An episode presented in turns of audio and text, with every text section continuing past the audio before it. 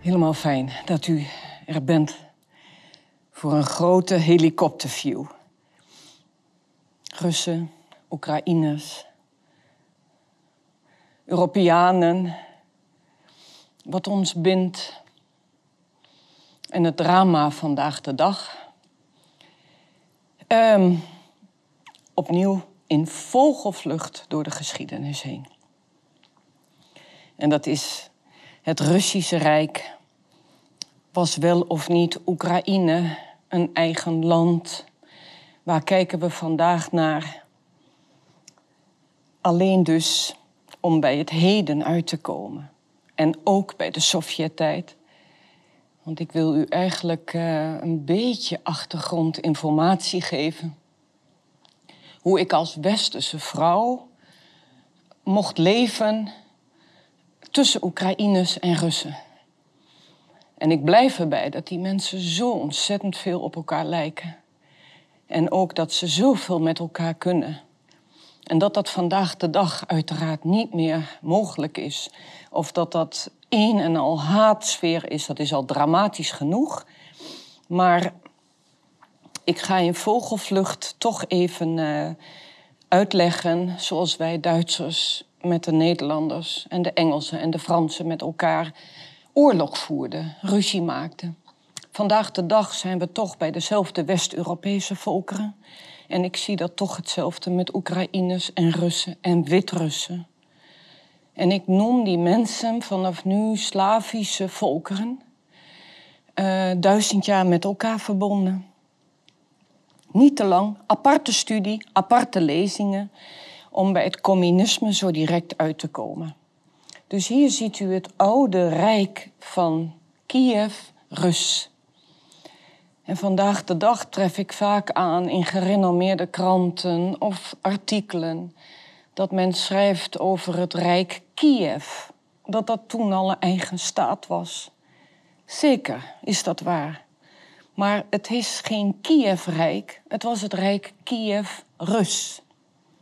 En daar gaan we dat het begonnen is met de oude Hanse tijd, Novgorod. Het beginnende Soesdal en Vladimir, ja, bij het Moskouse land. En Kiev, kijk, dat was ook orthodoxie. We waren gescheiden, deels van elkaar, in dat West-Romeinse Rijk, waar wij de katholieke kerk hadden met Rome. En dat was aan de Oost-Romeinse kant de kerk, orthodoxie. Ook een katholieke kerk, maar werd later dus de orthodoxe kerk genoemd. Dus in dat opzicht, Rus staat voor het land. Ongeveer zo groot als Frankrijk nu. En dan hebben we verder Kiev, wat de hoofdstad was. Maar in Novgorod en rondom Soesdal en Vladimir vandaag de dag de Gouden Ring daar is wel degelijk het begin van deze Slavische mensen. Of je dat nu Oekraïners noemt, Russen. Ja, ze horen deels uit de oude tijd bij elkaar. En ook bij ons Europa, want er was aansluiting met ons.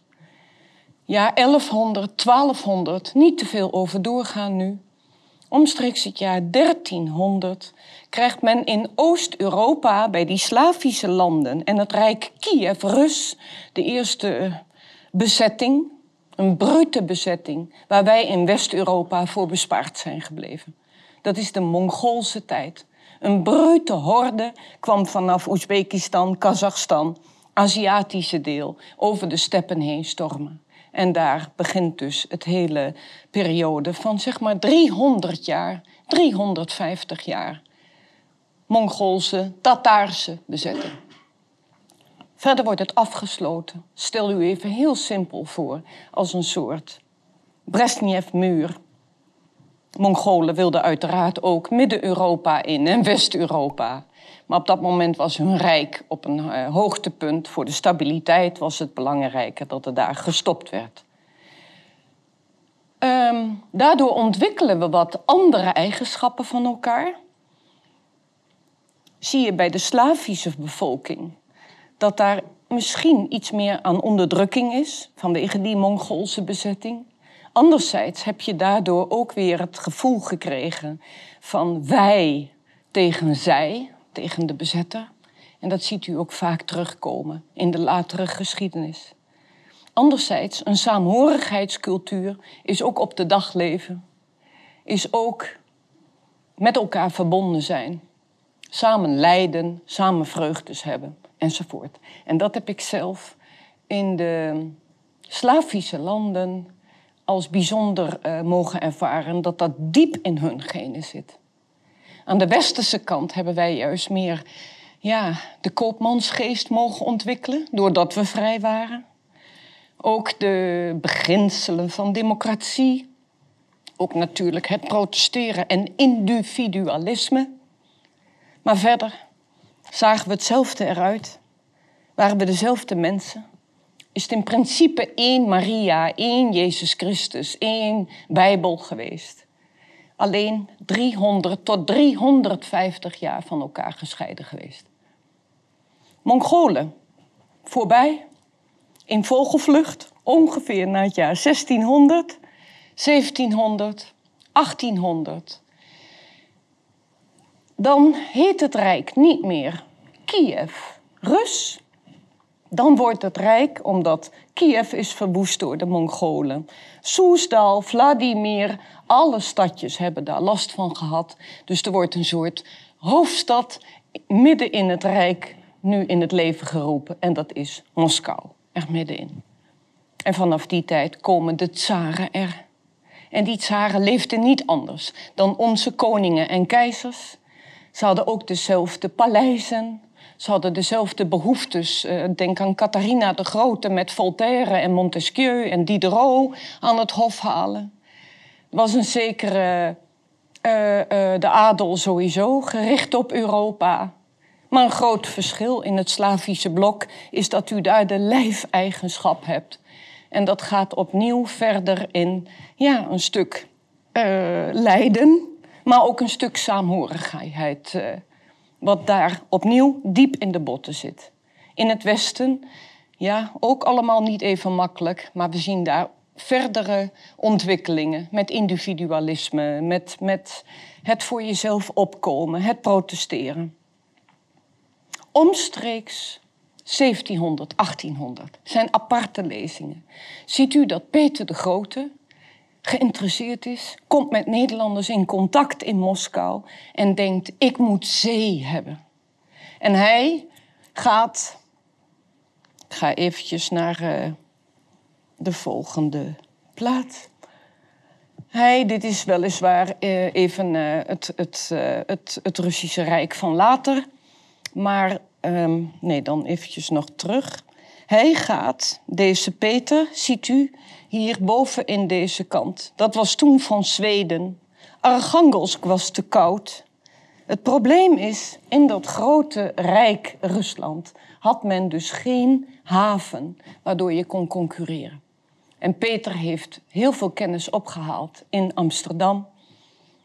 Prachtig wat die man allemaal heeft gedaan aparte lezing. Maar Peter die gaat dus beginnen met Nederlandse kennis om de Zuidbuik te gaan veroveren. En daar waren nog de ja, islamitische volkeren, ook de, de nazaten van de Mongoolse, Tataarse overheersing. Maar het was vooral het Ottomaanse Rijk wat sterk was geworden. En hier was de sultan oppermachtig, 16e, 17e eeuw. En toch was Peter erop gefocust om dit deel uh, te veroveren. Hij is begonnen. Het is hem niet helemaal gelukt, maar 50 jaar later gaat Catharina de Grote, keizerin, zijn taak afmaken. En zij gaat daadwerkelijk de zuidkant veroveren. Wat u nu ziet, het gebied bij Odessa, het gebied bij Kherson, natuurlijk de Krim. En dit is vanaf Catharina de Grote tijd bevolkt door Russische, Oekraïense mensen. Maar nogmaals, je sprak niet van Oekraïne. Ja, dat was het Russische Rijk met Slavische inwoners. Verder krijgt u de oostkant. Daar is ook volop beweging. Daar worden dan de eerste industrieën uh, aangelegd. Uh, in de 19e eeuw begint het zeker met nationalistische groeperingen. En daarvoor ga ik even ook weer in het kort naar de kaart van de 19e eeuw. En daar ziet u heel duidelijk, het was niet alleen het Russische Tsarenrijk die geconfronteerd werd met, um, met nationalistische groeperingen. Zo was dat ook in het Rijk van Oostenrijk-Hongarije.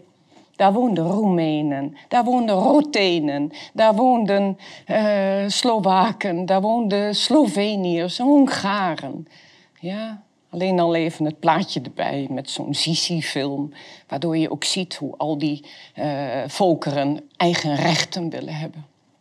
Hetzelfde was in het Duitse Rijk, waar al die verschillende vorstendommetjes wel of niet een eenheid moesten gaan worden in 1871.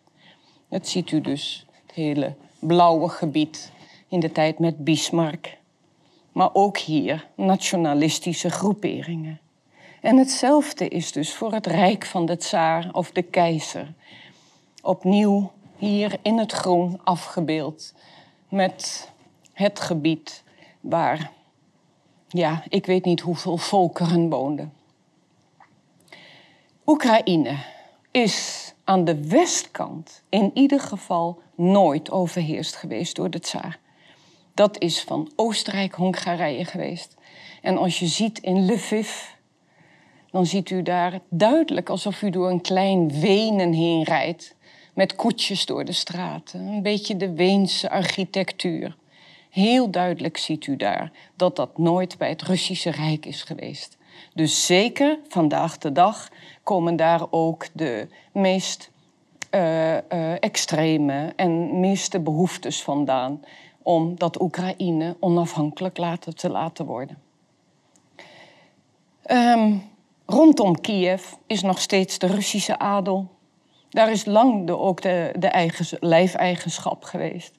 Maar of u nou Tchaikovsky neemt, of Tolstoy, of Malevich later, of een Tsjechov. Alle mensen van adel, of je nou in Kiev je paleis had, of je had het in, in, uh, in Odessa, of je had het in Moskou of in Petersburg of verderop.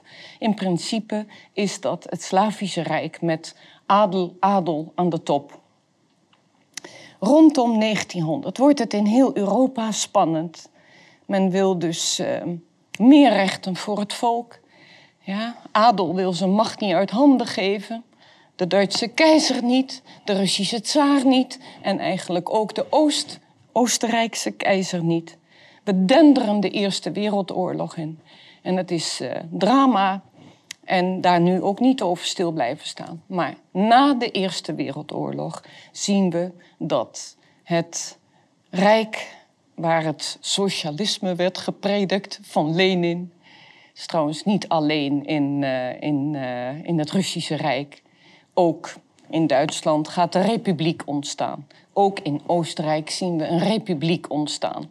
En natuurlijk ook bij het gebied van de sultan, daar komt het Ottomaanse Rijk.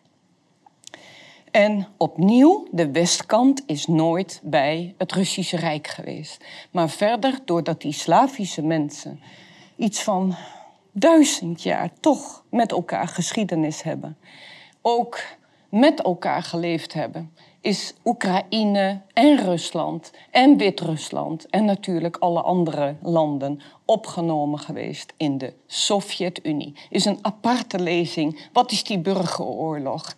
Wat uh, wilde Lenin? Ja, wat wilden de landen zelf? Er is ontzettend, uh, de burgeroorlog natuurlijk ook nog dramatisch. Bovenop die Eerste Wereldoorlog is dat weer een uitgebreid onderwerp. Niet voor nu in mijn helikopterview. Ik ga met u naar de jaren 30, waar Lenin al gestorven was. De Sovjet-Unie bestaat nu. En, uh, en uh, in de jaren 30 is daar Stalin.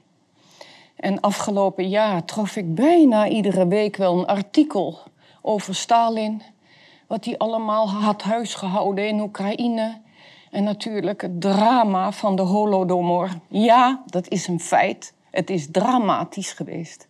Maar ik blijf ook zeggen, het was niet alleen in Oekraïne. Ik heb zelf gewerkt bij een kolgoze boven Moskou, waar ik van tig boeren heb gehoord hoe dramatisch het was als ze iets graan onder hun plankenvloeren hadden uh, uh, verborgen. Dat betekende enkele reis Siberië of ja, executie voor je huisje. Ik heb genoeg mensen gehoord in Midden-Rusland en in de Oeral, waar ze ook voor, ja, als je twee minuten te laat was op je werk, begon, bestond daar ook executie op of enkele reis Siberië. Ik heb zoveel mensen gesproken in Oekraïne, uh, sorry, in, in, in Noord-Rusland en in Wit-Rusland niet te vergeten, waar ongelooflijk veel mensen de dupe zijn geworden van Stalins beleid. Ja? De industrialisatie, de vijfjarenplannen. Dus Oekraïne daarin heeft geleden, maar iedereen in de Sovjet-Unie.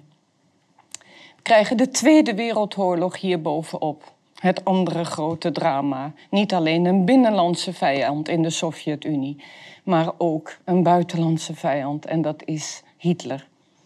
Dramatisch in Oekraïne, dramatisch in Rusland, maar nogmaals, je was Sovjetburgers uh, overigens uh, ook niet alleen uh, met, met, met, met, met de heel vele aantallen wie nou de meeste slachtoffers heeft verloren.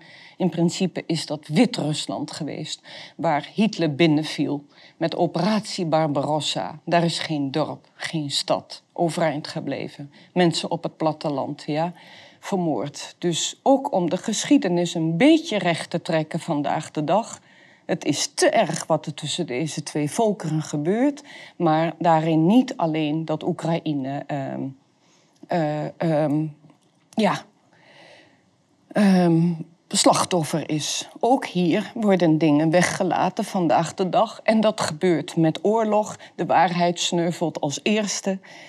Maar ik ga met u ook weer niet naar de periode van 1940 eh, te lang blijven hangen, Tweede Wereldoorlog.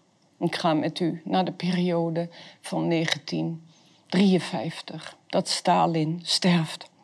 Stalins dood heeft voor een heleboel mensen, ook al mocht je het niet zo uiten, een enorme opluchting betekend. Ja. Verder heeft uh, een andere groep het niet kunnen geloven. Als Khrushchev later gaat aangeven wat Stalin allemaal op zijn geweten heeft. Dat is de geheime reden. Maar in de jaren 60 en in de jaren 70 krijgt u een soort opbouw van het socialisme. En om je iets te kunnen verplaatsen in hoe de mensen hebben geleefd in de periode waar wij ook na de Tweede Wereldoorlog onze schouders te onderzetten. En dat wij. Uh, en dat wij. Uh, uh, kijk, ik ga even. Uiteraard is dit gebied van de jaren 60 de Sovjet-Unie. Ja? En de Sovjet-Unie dat is helemaal geel. Stellen we ons even het helemaal geel voor. Dit is al de onafhankelijkheid. Dus Wit-Rusland, Oekraïne, Kazachstan, Oezbekistan, Tajikistan, Armenië en al deze republieken erbij. Maar ik wil er alleen mee zeggen, um, ik kwam in de communistische tijd in Rusland. Misschien omdat het mij altijd gefascineerd heeft. Hoe was dat leven van mijn van mijn Oost-Europeanen achter die muur. Hoe was dat leven nou in Berlijn voor de Ossies? Hoe was dat leven nou in, in, uh, ja, in de Sovjet-Unie zelf? Het taal, een stuk fascinatie.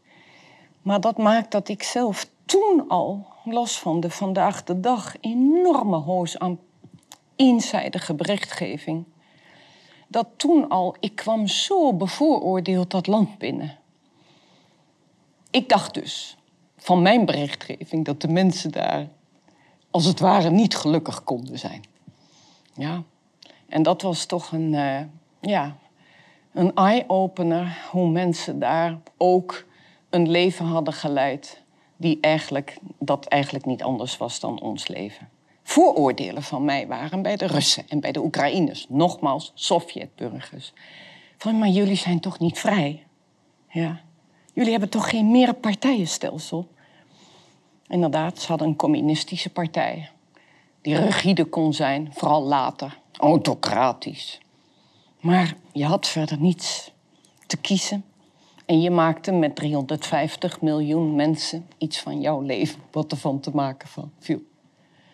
Ik zei ook heel vaak, maar jullie kunnen toch niet reizen naar Amsterdam of naar Londen?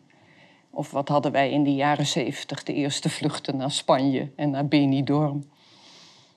Of naar Amerika. Inderdaad, kon een Sovjetburger niet naar onze kant. Ja. Anderzijds, die mensen die gingen naar Nova Zembla. Je ging naar de Oeral op kuuroord.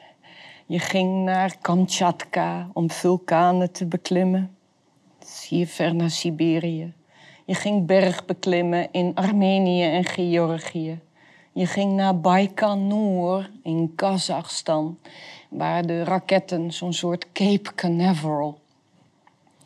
Ja, dus ehm, zeker reisde zij ook en werkte zij ook. Maar het was uh, niet naar de westerse wereld. Het was het communistische blok tegenover het kapitalistische blok.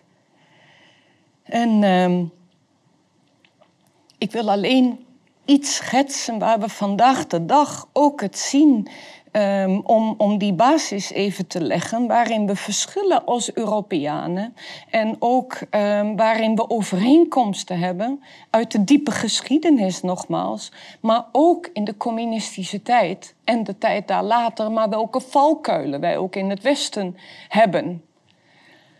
In de jaren 60 en 70 was het echt die zware Stalin-tijd die was voorbij.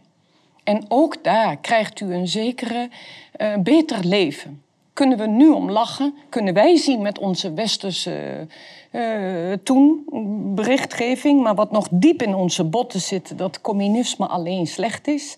Mensen hebben daar ook een zekere uh, wederopbouw gehad. En dat kon dan zijn met je kreeg gratis water, licht en gas. Je kreeg een, een de medische wereld. Je kreeg ehm, een appartementje, een flatje.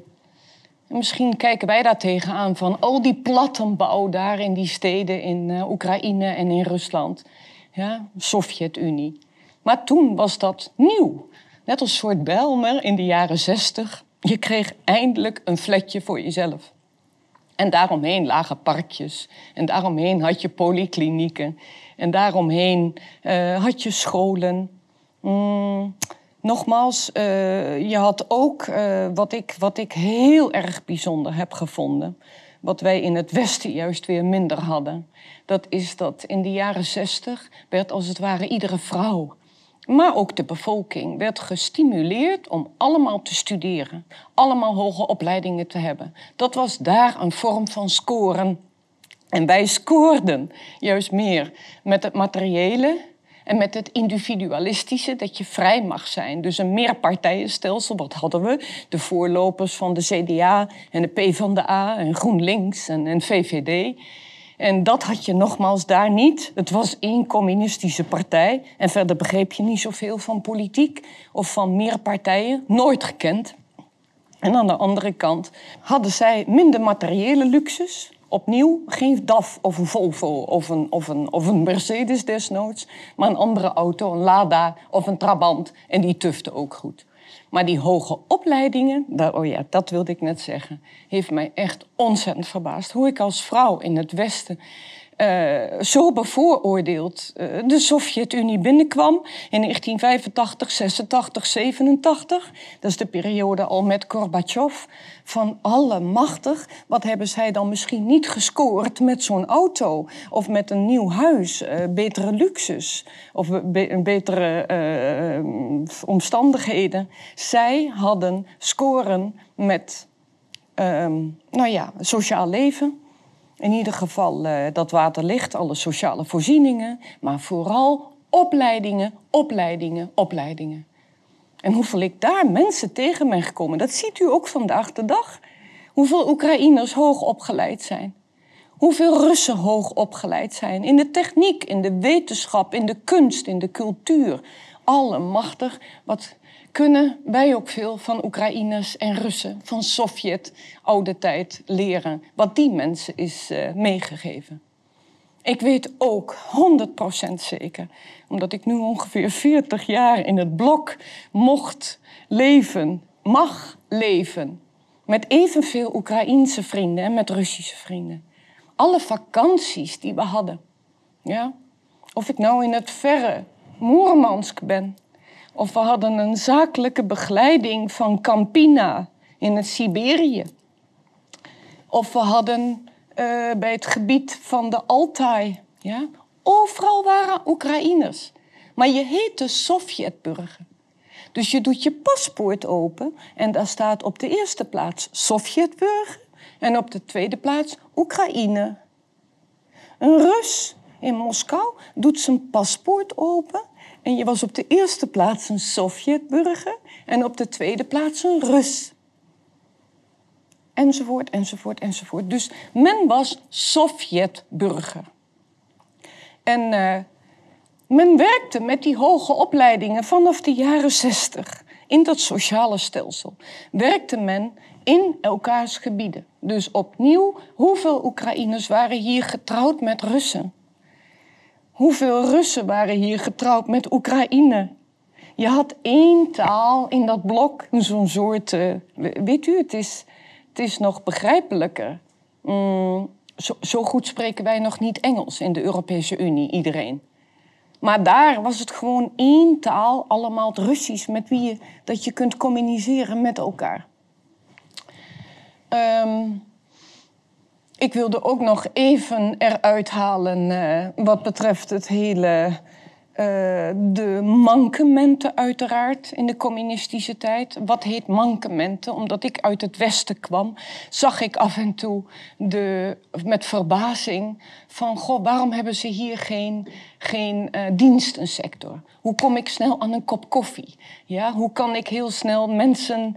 Mm, bewijzen van laten nadenken hoe je je eigen geld moet verdienen. En als je harder gaat lopen, ga je je onderscheiden doordat je meer geld kunt verdienen. Dat is nogmaals 800 jaar lang in dat oude blok minder aanwezig geweest, die middenklasse. En in de communistische tijd zorgt de staat voor je. Dus daar was ook uh, geen impuls om harder te gaan redden. Of om klantvriendelijk te zijn. Of om marketing eronder te zetten. Typisch westerse eigenschap. Democratie is uiteraard ook iets wat moeilijk gaat. En ik ja, ik zie het dagelijks ook met het werk met Oekraïners. Hoe moeilijk het begrip democratie is. Voor zo direct allemaal. Maar dit in vogelvlucht communistische tijd. Enerzijds in het Westen hadden wij te weinig contact met deze mensen om het zelf te kunnen beoordelen. Maar bij ons werd er vooral ja, ingeramd, als het ware, communisme, het rode gevaar. Brezhnev. En zeker, nogmaals, waren daar ook uh, onderdrukkingsmechanismen, vooral later met de dissidentenbeweging. Maar er is ook een heel groot deel, 90 procent, uh, zeker, heeft net zo goed als wij Nederlanders nostalgie en zeker een goede jeugd gehad waar ze met elkaar op vakantie gingen en met elkaar allemaal naar de Krim wilden. Dat is nogmaals allemaal Sovjet-Unie geweest. Oekraïense, Russische gezinnen met elkaar trouwen, neven en nichten, gewoon enorm met elkaar verbonden. Uh, vaak zeggen Nederlanders in lezingen toch ook van ja, maar in die jaren zestig uh, was het toch uh, afschuwelijk wat de Sovjet-Unie heeft gedaan aan onderdrukking. Klopt ook. Ja? Alleen vanaf de westerse kant. En dat is ook zo. Als we denken aan Hongarije, de bezetting. En denken we aan Poznan in Polen, waar de communistische partij alles neersloeg. En denken we aan Praag in 1968. Absoluut zijn dat feiten waar ook Russen en Oekraïners van de achterdag ook gewaar van worden. Anderzijds leerden wij in het Westen weer niet wat ik in de, in de Moskouse universiteit leerde. Uh, in de jaren zestig. Wat het Westen had uitgespookt in Iran. Met de Mossadegh. Of denken we aan Egypte, waar Nasser een band wilde opbouwen met het Westen. Maar waar die werd tegengehouden door de Fransen en de Engelsen wat betreft het Suezkanaal. Of denk ik even aan Nicaragua. Of denk ik even aan Nelson Mandela, die door de Engelse en de Amerikaanse bankiers en landeigenaren als het ware nog werd uh, uh, neergezet als een terrorist. Waardoor Nelson Mandela de naam droeg dat hij uh, een communist zou zijn. Of denk ik later aan Chili. Of denk ik aan waar we vandaag de dag mee bezig zijn met het kolonisatieproces, dekolonisatie. Ja? Heus, wat wij in de jaren 60 en 70 ook een boter op ons hoofd hebben. En later natuurlijk gaat Amerika dat vooral overnemen. En uh, ja, dat leerde ik weer niet in mijn schoolbanken. Dus de wereld was gewoon verdeeld, maar Sovjetburgers tegenover het Westen. Maar waar ik naartoe wil, is vooral Oekraïners en Russen. Ontzettend met elkaar verbonden. En nu, in deze vogelvlucht, ga ik naar het jaar 1990. Eigenlijk 1989. Ik mocht dus bij beide volkeren zijn, maar dat was nogmaals één volk. Dus je hebt ook gezien hoe het communisme kapot ging en hoe het faalde en hoe het voor de mensen een drama was om mee te maken.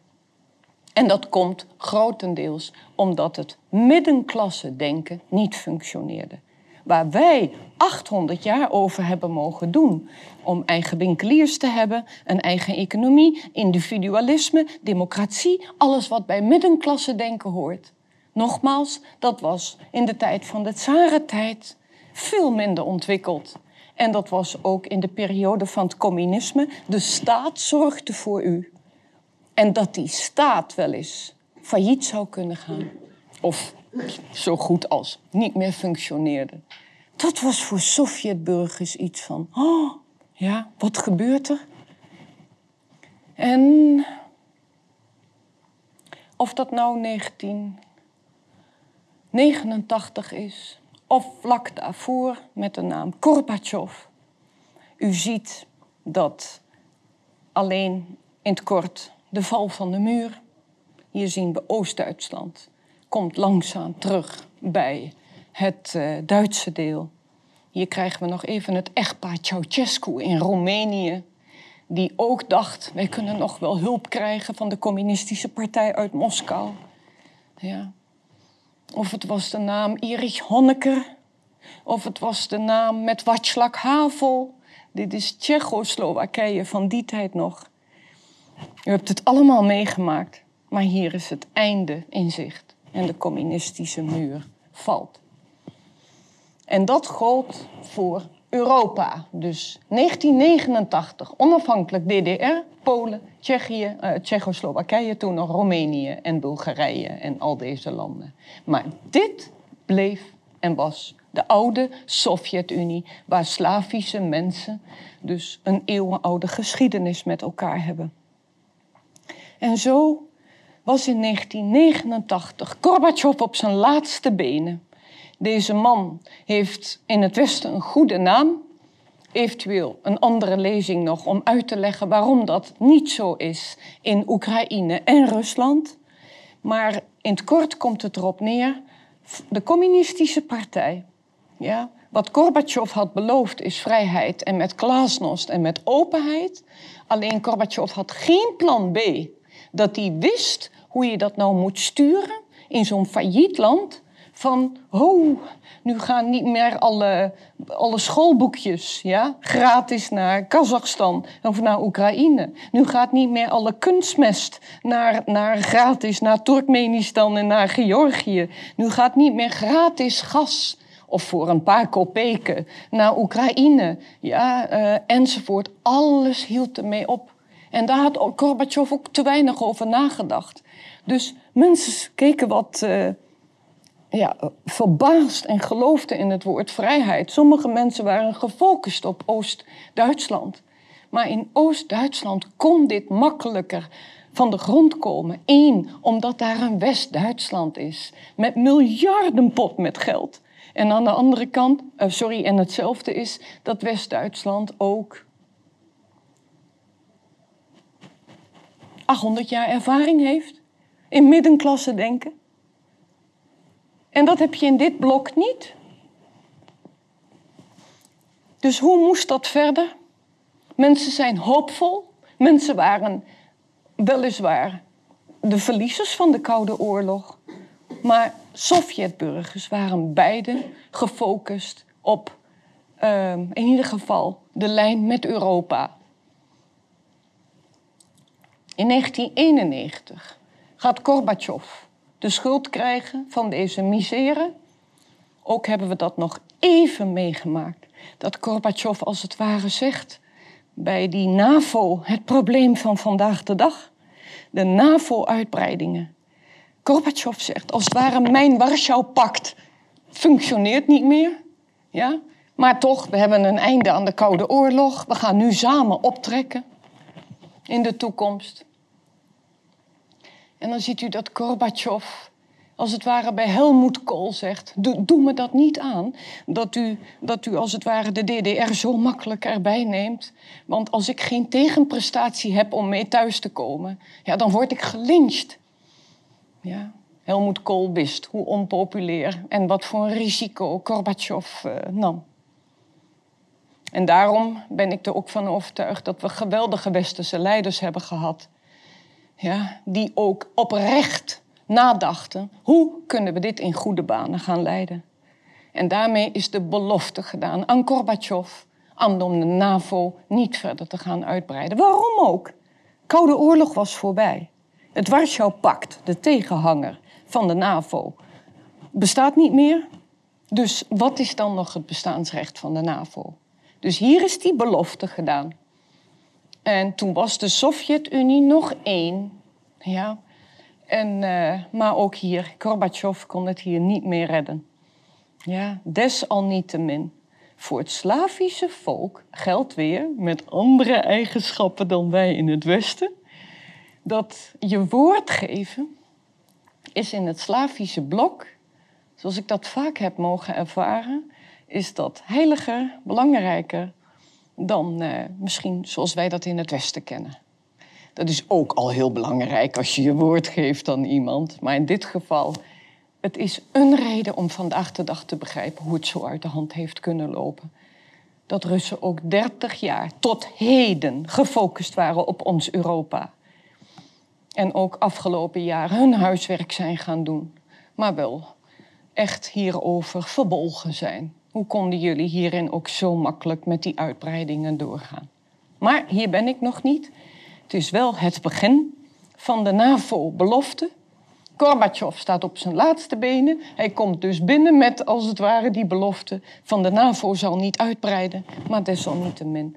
Het volk had geen brood. Het volk had geen, had geen goede wegen meer. Het volk had geen sociale voorzieningen meer. Het was dramatisch in beide landen. En in Rusland en in Oekraïne. Nogmaals, Sovjet-Unie.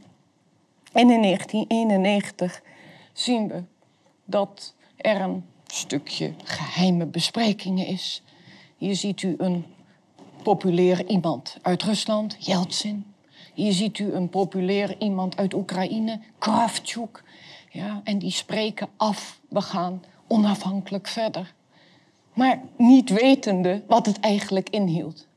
Toen Gorbachev hiervan te horen kreeg, was hij natuurlijk diep, diep, diep, uh, uh, niet alleen teleurgesteld, maar woedend was hij. Ja, dat dat buiten hem om is gegaan. En Gorbachev uh, zal hier verder niets meer aan kunnen doen. Hij treedt af op Oudejaarsavond in 1991.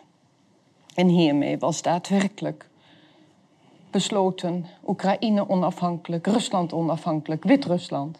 Ik kan ook deze landen allemaal noemen. Niet voor nu, want dit zijn de drie landen die het meest met elkaar verbonden zijn en die Slavische cultuur hebben. Onafhankelijkheid. Maar men wist absoluut niet wat dat inhield. En je denkt gewoon, ja, we gaan gewoon op de oude manier verder. Maar wat het is om een middenklasse op poten te zetten, als je daar helemaal geen infrastructuur voor hebt. Wat het is om mensen hoop te geven Uh, en die hoop was er uiteraard dat het nu allemaal beter zou gaan worden met het Westen. Maar daarvan noem ik globaal voor de pauze nog eventjes een paar voorbeelden wat allemaal mis is gegaan en waarvan ik ook denk dat dit de hoofdreden is wat mist in de westerse wereld. Wat er na de communistische tijd voor een rotzooi is gekomen en geen begeleiding of ook een stuk eigen verantwoordelijkheid, maar desalniettemin, ik ga dat even in het kort schetsen. Die twee volkeren, of drie volkeren met Wit-Rusland erbij, zijn nu onafhankelijk, maar het volk denkt dat ze gewoon ook logisch met elkaar blijven voortbestaan. Hier had u toen ongeveer 45 miljoen Sovjetburgers, waarvan toen de tijd ongeveer 40% volbloed Russen waren. En die woonden of die waren getrouwd met Oekraïners. Als het dan nu onafhankelijke Republiek Oekraïne heet, ja, probeer ook te begrijpen dat hier ontzettend veel Russische mensen wonen. En hier in Rusland of in, ja, wonen heel veel Oekraïense mensen. Maar het gaat er gewoon nu om, om Oekraïne. Dat daar heel veel Russische mensen hebben gewoond. Het was even wennen voor die Russische mensen om zich nu Oekraïne te gaan noemen. Maar ging zonder problemen. Daar ben ik 100% van overtuigd. Heb ik zelf middenin gestaan. Van je noemde je nu Oekraïne. Dus in het paspoort stond niet meer Sovjetburger, maar Oekraïne. Ja, in het paspoort stond niet meer Sovjetburger, maar Rus. Men was beide verarmd, men was beide, beide uh, uh, uh, hoopvol, dat zeker. Maar in dit land met zoveel miljoenen Russen had men dezelfde leed en dezelfde vreugdes. Je had af en toe wat verschillen, zeg eens iets over. Hoe de. Nee, dan zijn de, de mensen uit Wales of de mensen van Schotland, die zijn nog verder van elkaar verwijderd dan hoe ik de Oekraïners en Russen met elkaar verbonden zie. Uh, in, in taal. De tongval kon je iets merken. Ja? Maar nog steeds is de taal Russisch. wat gebeurt er? In die jaren negentig moet het land op de rails komen en heb je hoop. Um, alles wat er maar mis kon gaan, ging mis. Nogmaals, er is geen West-Duitsland die jou met een pot met geld geeft of met de nodige ervaring. Je moest het zelf doen en daar miste iedere ervaring. En in Rusland en in Oekraïne. Um, op het gebied van uh, de rechtspraak. Het was één grote puinhoop. Ik dacht, wanneer komt dat nou met die grondwet? Wanneer komt dat nou waar de eerste juridische rechtbanken worden opgezet? Wanneer komt dat nou dat de mensen voorlichting krijgen wat een eigendomsrecht is of wat een kadaster is? Maar en vooral bij Slavische mensen, waar die hele infrastructuur ontbreekt, kon je praten wat je wilde, maar dat was echt een heel lastig onderwerp om uit te leggen. En stel u alleen voor dat ook, ik heb het een paar keer gezegd in andere lezingen wat betreft het Russische verhaal, maar in Oekraïne precies hetzelfde. U woont in een woningje. U hebt het niet makkelijk. U bent ontslagen. U, bent, uh, uh, u hebt nauwelijks nog water en licht. U hebt inderdaad. Uh, um, uh, problemen met dat ziekenhuizen niet meer functioneren, scholen niet meer functioneren.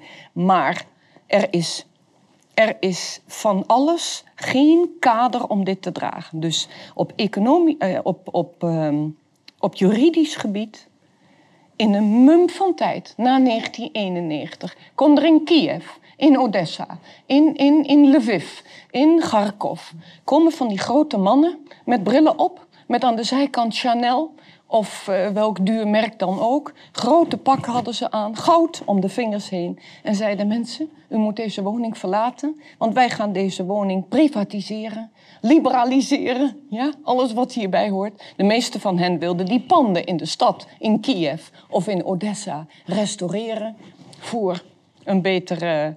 Uh, een, een, een, een, gebouw, een bedrijf uit het Westen laten binnenkomen. Hoe het ook zij. Hier zijn honderdduizenden mensen. Ja, miljoenen mensen. De dupe van geworden. En is bijna niet voor te stellen bij ons in het Westen. Hoe dat een wild West maatschappij is geworden. Want alles ontbrak nogmaals op dit gebied. En daarin is Oost-Duitsland uiteraard in dezelfde valkuil gevallen. Maar daar komen de West-Duitsers bij met een soort trooihand. En die moeten dit allemaal in goede banen gaan leiden. Hoeveel pijn daar ook is geweest in Dresden en in Leipzig. Maar hier is het tig keer erger in Rusland en in Oekraïne. Hoe hier de Wild West-maffia is gaan groeien. Nummer twee, wat helemaal niet op de rails kwam, is economie. En u had geen kennis van wat is dat, een Kamer van Koophandel? Wat is dat, een belastingstelsel? Wat is dat om je eigen winkeltje op de rails te zetten?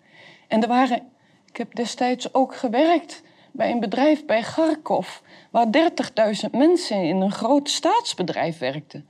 Dan beloofde een, in dit geval een westerse meneer, van ik zal zorgen dat u de banen blijft behouden. Maar ja, een maand later was er van de 30.000, waren er nog maar 200 over. Dit is één voorbeeld van de enorme privatisering, sanering van de, ja, wat er allemaal gebeuren moet.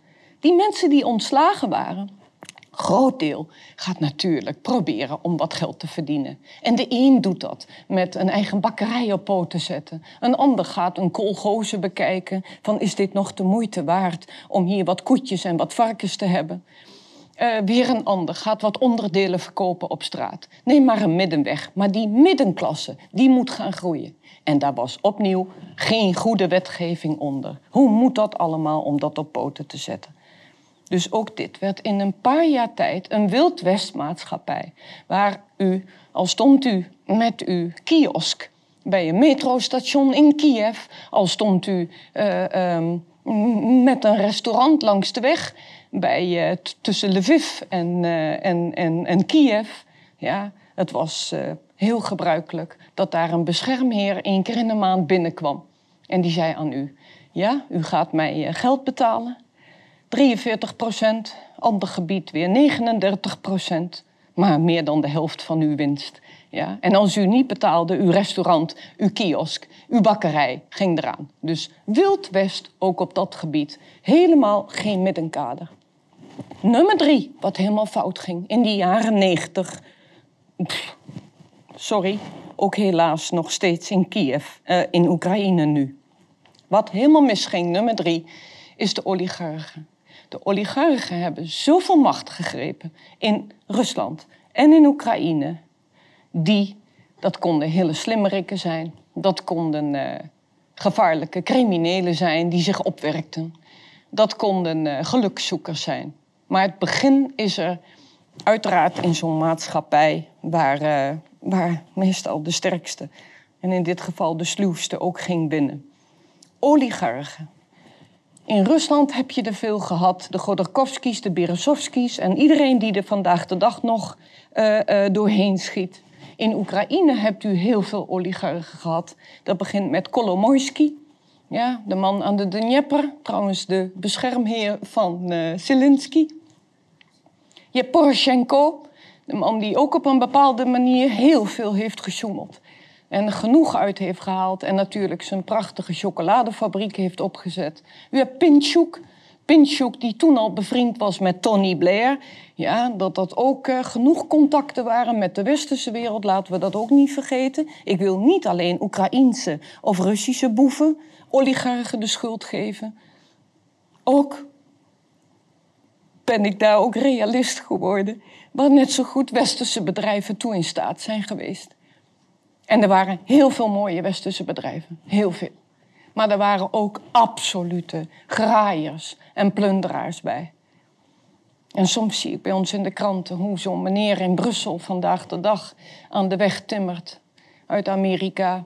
En, eh, en ik dacht van Britse kom af. William Browder. Ja, ik zou het ook fijn vinden als die meneer ook eens bij CNN of bij de BBC ging zeggen hoe die zoveel kansen heeft gekregen en uh, zoveel rijkdom heeft vergaard. Maar het oligarchenclubje rondom de macht is extreem geweest. En in Kiev en in Moskou.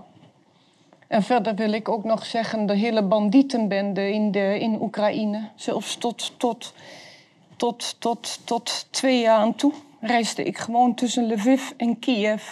Reisde je tussen Kiev en Saporozhye. Ja, je ging bij een restaurant naar binnen. Het was helemaal niet vreemd. Ja, om, om, om drie uh, mensen daar voor het uh, restaurant te zien liggen met een dekentje eroverheen, net waren doodgeschoten. Ja, geen sterke verhalen, maar het is wild west geweest. En sorry, voor een groot deel in Oekraïne nog steeds een puinhoop. Los van dit drama, wat er ook op uh, vandaag de dag is, is uitgebroken. Um, bekend is ook voor het gewone volk hoeveel zij te lijden hebben gehad. Niet alleen drama's, en, want ik vind ook een deel moet je eigen verantwoordelijkheid nemen. En in Rusland en in Oekraïne. Maar het gewone volk was dusdanig de weg kwijt en moest overleven. Maar er waren ook genoeg uh, scholen die niet meer functioneerden omdat er geen verwarming meer was of omdat docenten niet meer uit waren betaald. Maar ik ken in Oekraïne ook genoeg verhalen waarbij directeuren van scholen of wat hebben we, juffrouwen, meesters, zoals het daar nog heet, die benaderd zijn door een of andere rijkaard die zei: als jij mijn zoon geen, niet het hoogste cijfer geeft ja, om naar deze universiteit te kunnen, of de universiteiten in, uh, in Engeland, dan gebeurt er dit of dat met je. Wild West. Wild West op ieder gebied.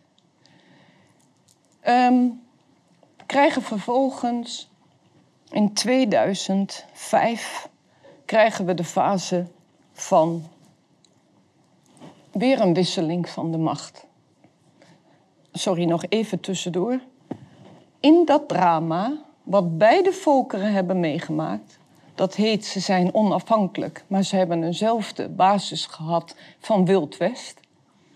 Ziet u wel dat Russische mensen in Oekraïne, die dus getrouwd waren met Oekraïners, of hier een Russisch-talige meerderheid, en in ieder geval ook op de Krim, ziet u hoe dan ook dat het uh, nog steeds met elkaar verbonden is, met elkaar lijden, met elkaar mopperen over de staat van het land. Maar er was echt geen afscheidingsbewegingen. En natuurlijk begint in 2005 er iets raars te komen, wat ik na de pauze zal gaan uitleggen, aan beïnvloeding. Maar ik weet zeker in de jaren 90 tot en met 2005 is daar geen haat geweest. Russen pasten zich aan. En ga me ook niet vertellen dat Rusland er zelf moeite mee had in de tijd met Yeltsin of in de tijd met de Russische regering van Poetin. Dat ze niet wilden dat Oekraïne onafhankelijk werd. Niet waar. Rusland heeft daar geen moeite mee gehad dat Oekraïne een onafhankelijke staat was geworden. Als we nu horen dat vooral met expansionisme en met imperialistisch gedrag ook weer heel vaak nagepapagaaid. Russische regering heeft volledig geaccepteerd dat Oekraïne een onafhankelijke staat werd. Maar ook weer in die overtuiging, we hebben gewoon een goede band met elkaar. Aan de andere kant, wat er nu gaat komen door de ontwrichting, zien we wel dat sommige Russische mensen in het nauw kwamen wat betreft taalprobleem, uh, soms voortrekking van, uh, van Oekraïense, vooral aan de westerse kant. Daar was de invloed al groter aan het worden van Europa. Maar in principe pasten Russen zich aan. Wat, je bent er getrouwd? Of je hebt je kinderen er? En de mensen die niet tevreden waren, of die inderdaad heel erg uh, met Rusland verbonden zijn en niet konden leven in een onafhankelijk Oekraïne, die waren in principe al teruggegaan naar Rusland. Maar in wezen was dit tot 2005 niet echt een probleem. Ik denk zelf dat het probleem van vandaag de dag ook niet alleen te maken heeft met de strijd tussen Oost en West. Met de inmengingen. Niet alleen van Russische kant, maar ook aan Westerse kant. Je hebt daar presidenten gehad waarvan de een de helemaal de kant van Europa koos en de andere kant helemaal naar de Russische kant koos. En het was ook lastig om het land te regeren. Want het land heeft natuurlijk niet alleen armoede, problemen, gefrustreerdheid. Hoe moet het verder? Het ligt ook aan de kant bij Europa.